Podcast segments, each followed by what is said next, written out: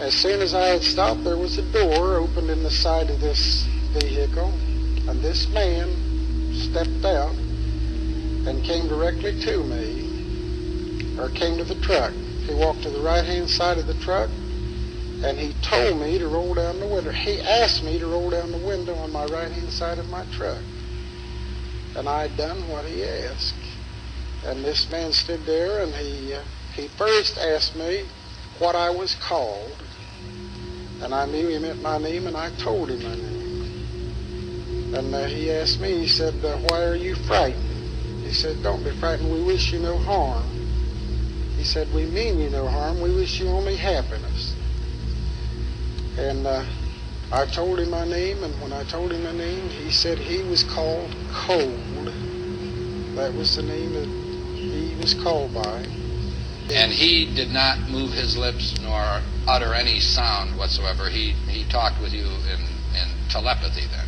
That was right. That his lips did not move. He uttered no words at all. But you talked. I mean, you, he didn't. Yes, I talked. He told me, he told me twice that I could either talk or I could think, which either would be better or easier for me. This was an instant This wasn't. There was no hesitation on his part nor on your part. You knew immediately what he was That's communicating to you, and he knew immediately what you were communicating to him. That is right.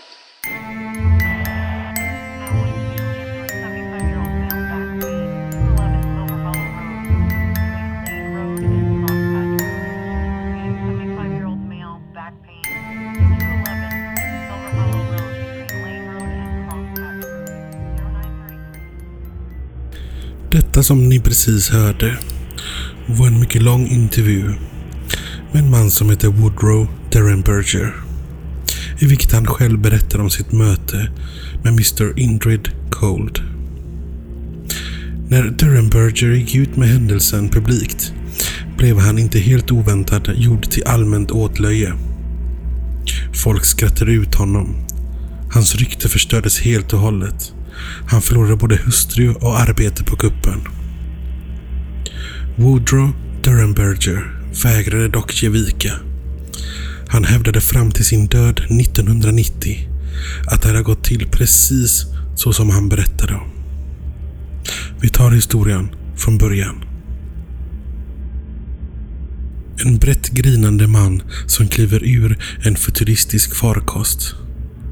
En mystisk varelse med röda ögon som verkar vara till hälften människa och till hälften djur.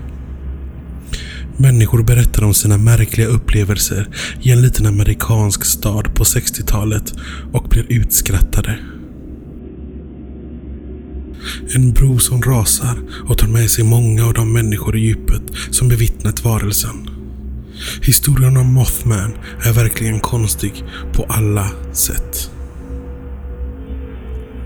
Hela legenden om The Mothman sägs ha tagit sin början när den handelsresande i symaskiner Woodrow Durenberger påstår sig ha kommit körande i sin firmabil på väg från Marietta i Ohio till sitt hem i Mineral Wells i West Virginia en sen kväll den 2 november 1966.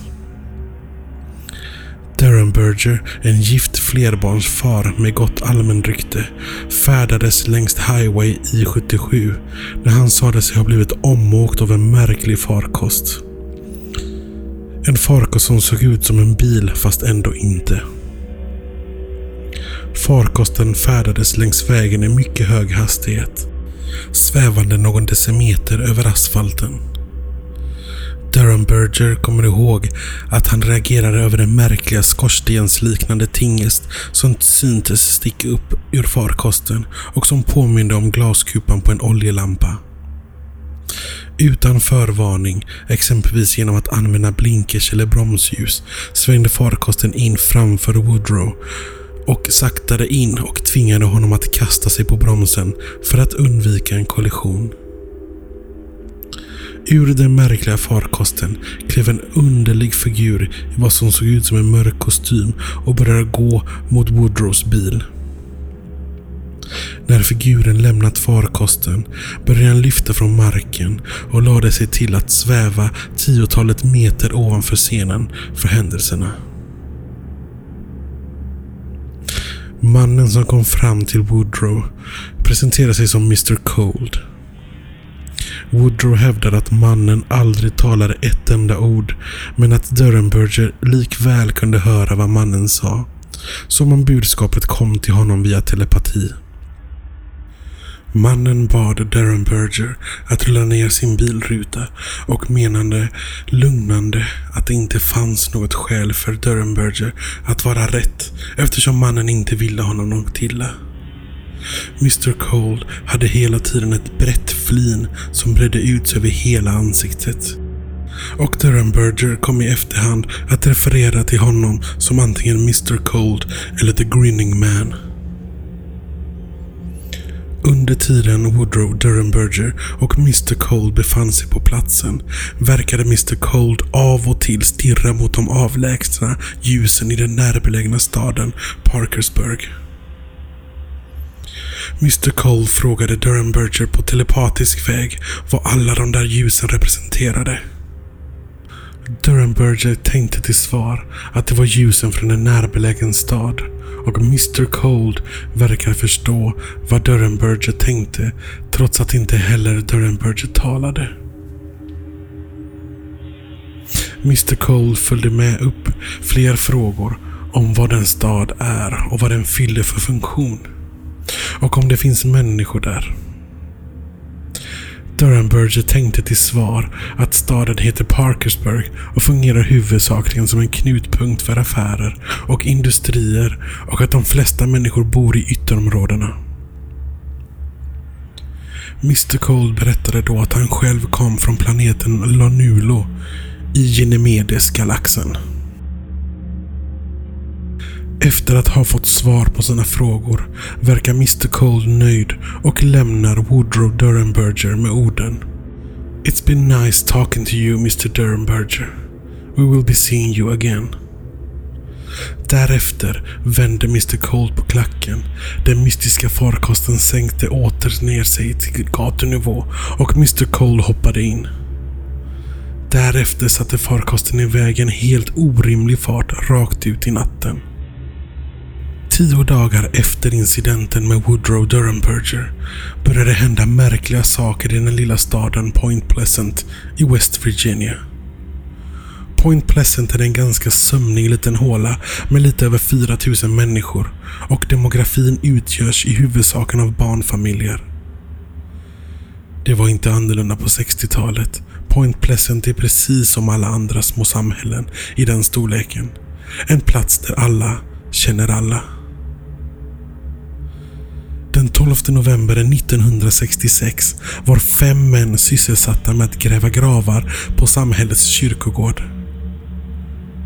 Männens grävande avbröts av en brunaktig människoliknande varelse som stiger till väders från ett närbeläget skogsbryn. Figuren såg inte ut som någonting männen någonsin tidigare hade sett med den här gråbrunaktiga hudtonen och väldiga vingar. Vingarna såg heller inte ut som de brukar göra på en stor fågel utan påminner mer om de vingarna som man ser hos fjärilar och klädmalar. Männen fick gott om tid på sig att betrakta den märkliga varelsen eftersom den flög över deras huvuden under en god stund.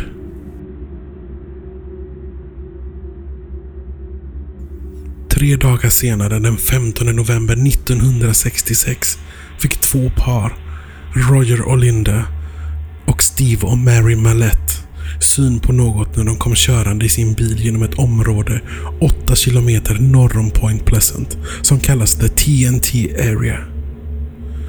Området hyser bunkrar med främst sprängmedelsreserver som legat där sedan andra världskrigets dagar när militären använde det området. Det är becksvart i området när inte dagsljuset lyser upp på vägen och så var det även den här novemberkvällen. Bilens förare märkte i backspegeln att två röda lysande prickar verkade följa efter bilen och påkallade uppmärksamheten från bilens övriga passagerare som snart förstår att de lysande prickarna är ögon som verkar sitta på en stor varelse av någon typ som följer efter bilen på nära avstånd. Varelsen såg ut att vara närmare två meter lång och ha enorma vingar som den när den landade en bit ifrån bilen omsorgsfullt. Givetvis uppstår full panik i fordonet och man stampade gasen i botten. Efter att ha vrålat genom kvällsmörkret i full fart saktade man ner fordonet en bit längre neråt vägen och stannade till. Man pustade ut och började prata om vad man egentligen hade sett där ute i skogen. När man sitter där i bilen och pratar upptäcker en av bilens passagerare att varelsen har följt efter dem. Trots att bilen framfördes i mycket hög fart. Nu sitter varelsen på en närbelägen kulle med vingarna instoppade bakom ryggen och stirrar på dem med sina röda ögon. Helt plötsligt rätar den ur vingarna och sätter fart mot bilen. Vilket får bilens förare att ännu en gång stampa gasen i botten och köra så fort han vågar i mörkret. Och den här gången stannar man inte förrän man är framme vid sheriffkontoret i Point Pleasant. Där gör man en anmälan vad man hade sett. Det visar sig att de här två bilutflyktssugna paren inte är ensamma om att bevittnat varelsen den här kvällen. Sheriffen har fått in ett flertal liknande anmälningar. Jag vill bara pausa i den här storyn och eh, säga alltså att det här är en sann historia som hände på 60-talet i Point Pleasant. Allt är verkligt och eh, jag, jag, är helt förbluffad av den här historien. Eh, sorry, jag var bara tvungen att påpeka det att det här är alltså ingen fiktion. Det här är på riktigt. Ja, nu fortsätter storyn.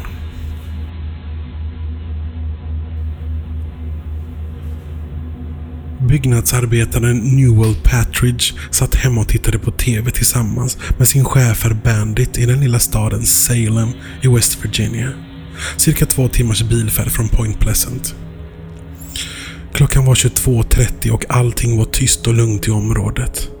Då plötsligt hörs ett utdraget metalliskt gnällande från Patridges lada. I samma stund tappar Patridges TV kontakten och det statiska bruset som brukar kallas Myrornas krig uppstår. Men den här gången ser inte Myrornas krig ut som det brukar. Märkliga mönster tar form på TV-apparaten. Mannen skulle senare försöka beskriva det metalliska beskärande ljudet som det som kan komma ur en rostig och trög generator som startar upp. Hunden började skälla och kasta sig mot ytterdörren.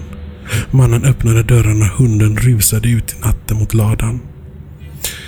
Patriots föll efter i hopp om att kunna utröna vad det är som lät och varför tv-sändningarna gick ner. Beväpnad med enbart en ficklampa följer Petrich och Bandit ut i mörkret och ner mot ladan en bit bort för att titta efter vad som står på. När han slår upp portarna till ladan är allting becksvart. Det enda som bryter sig ut i mörkret är två röda ögon som stirrar på Patrice som står där i dörröppningen. Patrice rusade tillbaka in i huset och greppade sitt gevär. Men när han väl stod där med bössan i handen insåg han att han aldrig skulle våga ge sig tillbaka ut till ladan och vad det nu som fanns där inne i mörkret. Patrice stannade kvar i huset. Chefen Bandit såg han aldrig mer igen. Inte ett ljud kom från hunden mer den natten. Ingen kropp hittades dagen därpå när Patriots väl vågade sig ut till ladan i skydd av dagsljuset. Hunden var lika spårlöst borta som de röda ögonen som stirrade på Patriot inifrån mörkret. Givetvis gjorde Patriots en anmälan till sheriffkontoret om sina upplevelser. Det var då han fick veta att han inte var ensam att de har sett det han såg. De två paren i bilens berättelse stämde väl överens med vad Patrice själv hade upplevt.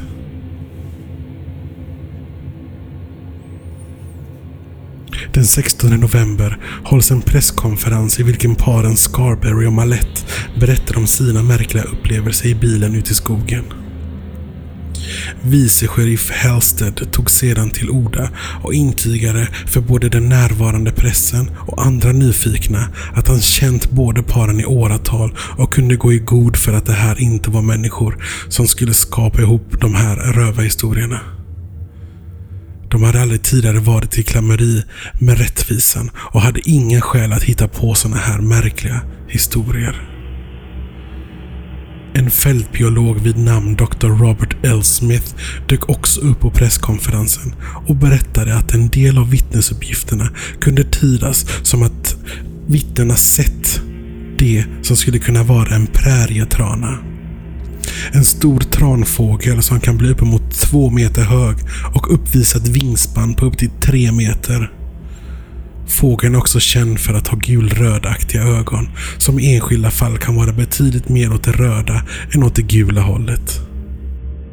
Fältbiologen Smith drog därför slutsatsen att det här inte handlade om något annat än en stor trana på sin väg söderut inför vintern.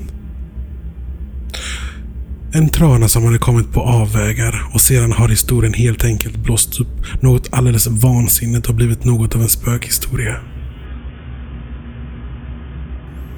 Massmedia spred presskonferensen till allmänheten och det stod inte på förrän den mystiska varelsen i folkmun hade fått namnet The Mothman.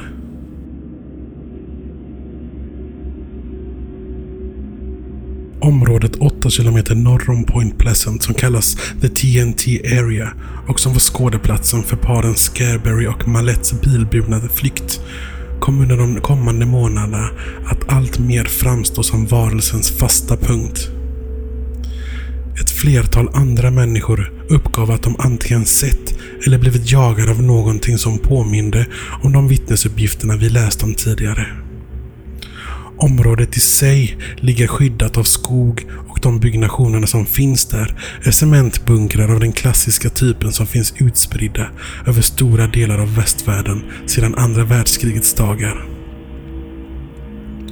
Bunkrarna är ofta förbundna med varandra via ett underjordiskt nätverk av tunnlar. I just de här bunkrarna lagrar den amerikanska militären som sagt sprängmedel och ammunition och för det syftet passar den avlägsna geografiska positionen ypperligt.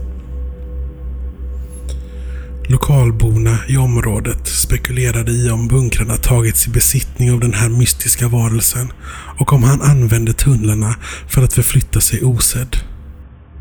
Området är tätt bevuxet och mycket svårtillgängligt. Så om den här varelsen nu ville hålla sig dold så kunde detta ske utan en större ansträngning. Det finns lite hus utspridda i området och i ett av dessa småhus i obygden bodde familjen Thomas. På kvällen den 16 november, för övrigt samma kväll som presskonferensen hölls, såg familjemedlemmarna i familjen Thomas hushåll ett märkligt ljus som liksom svävade ovanför området i skogen där bunkrarna ligger. Lite senare samma kväll bestämmer sig familjens vän Marcella Bennett att tillsammans med sin lilla dotter åka och besöka familjen Thomas. När hon anländer på garageuppfarten och kliver ur bilen reser sig en gråsvart varelse med röda lysande ögon upp från vegetationen i ett närliggande buskage.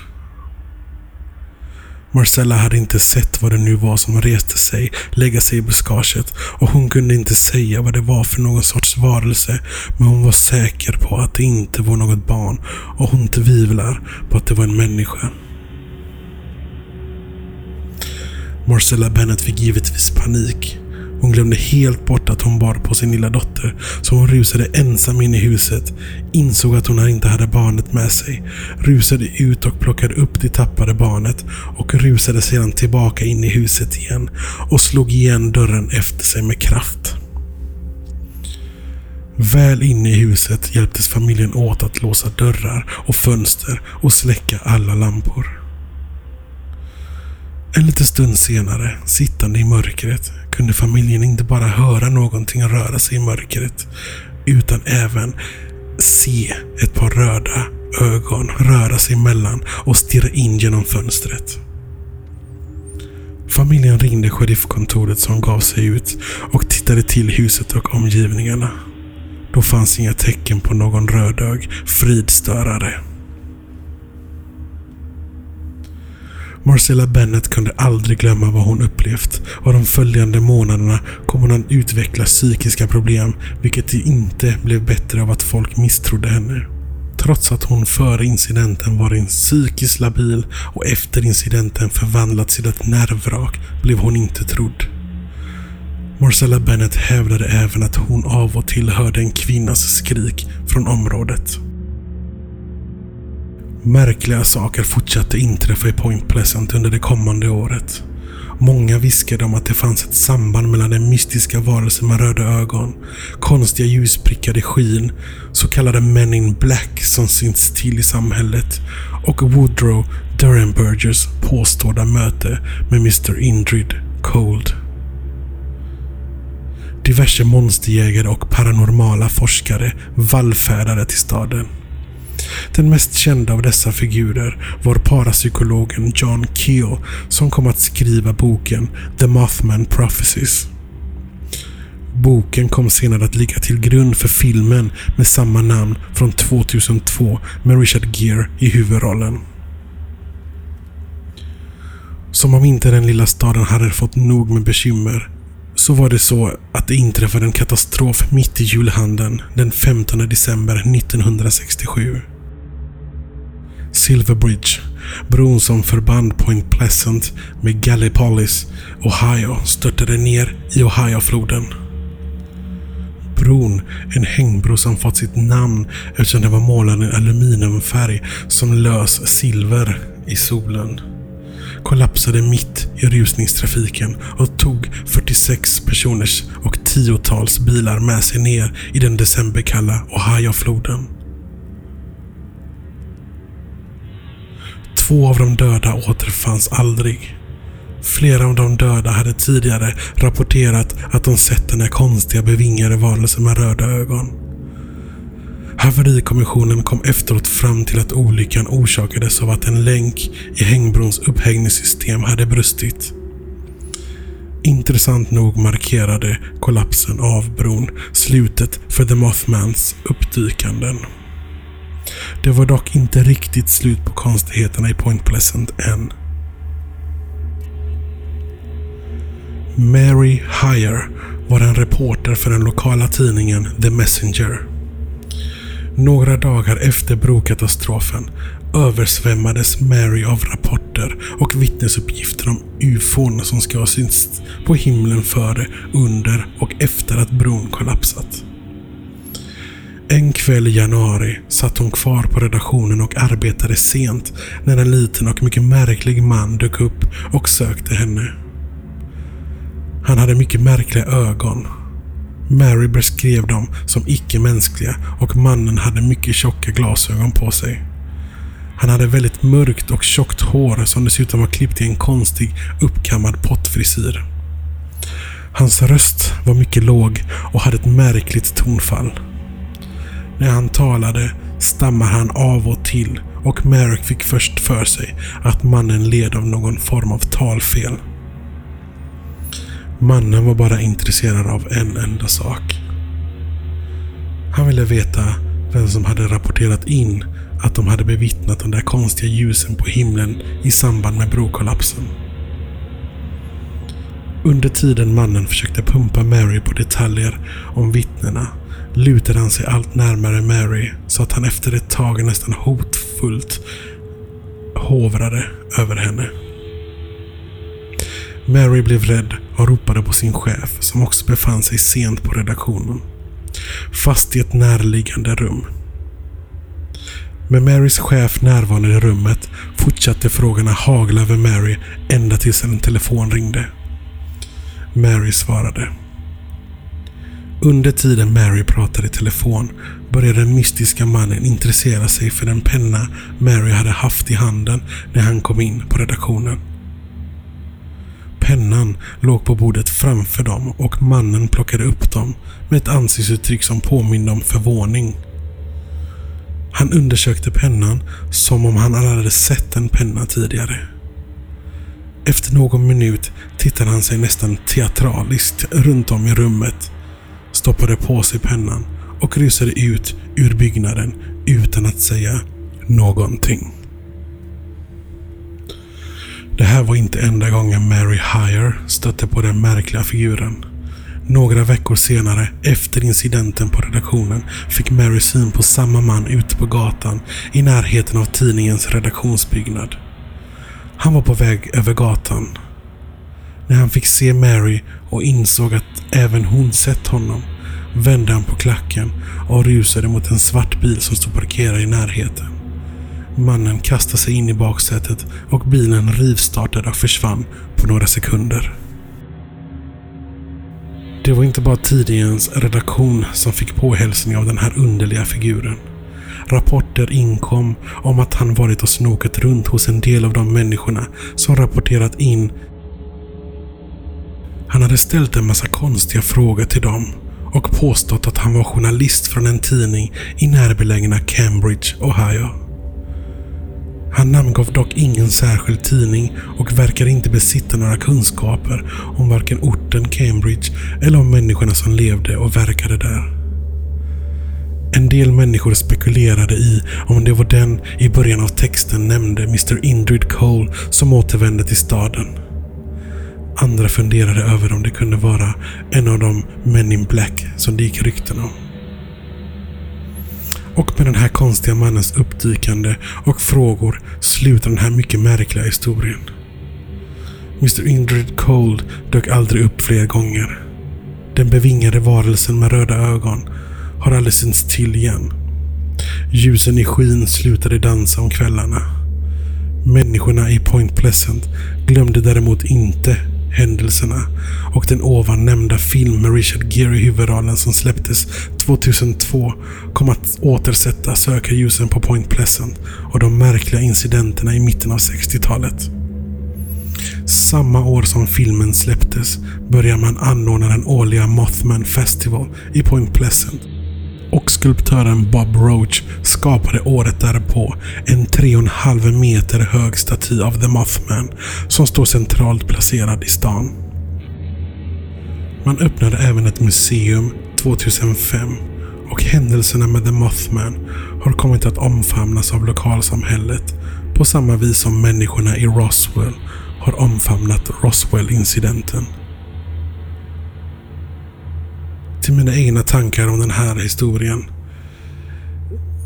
Jag har verkligen ingenting att säga om den här historien. Det är för mig en total, fullständig gåta.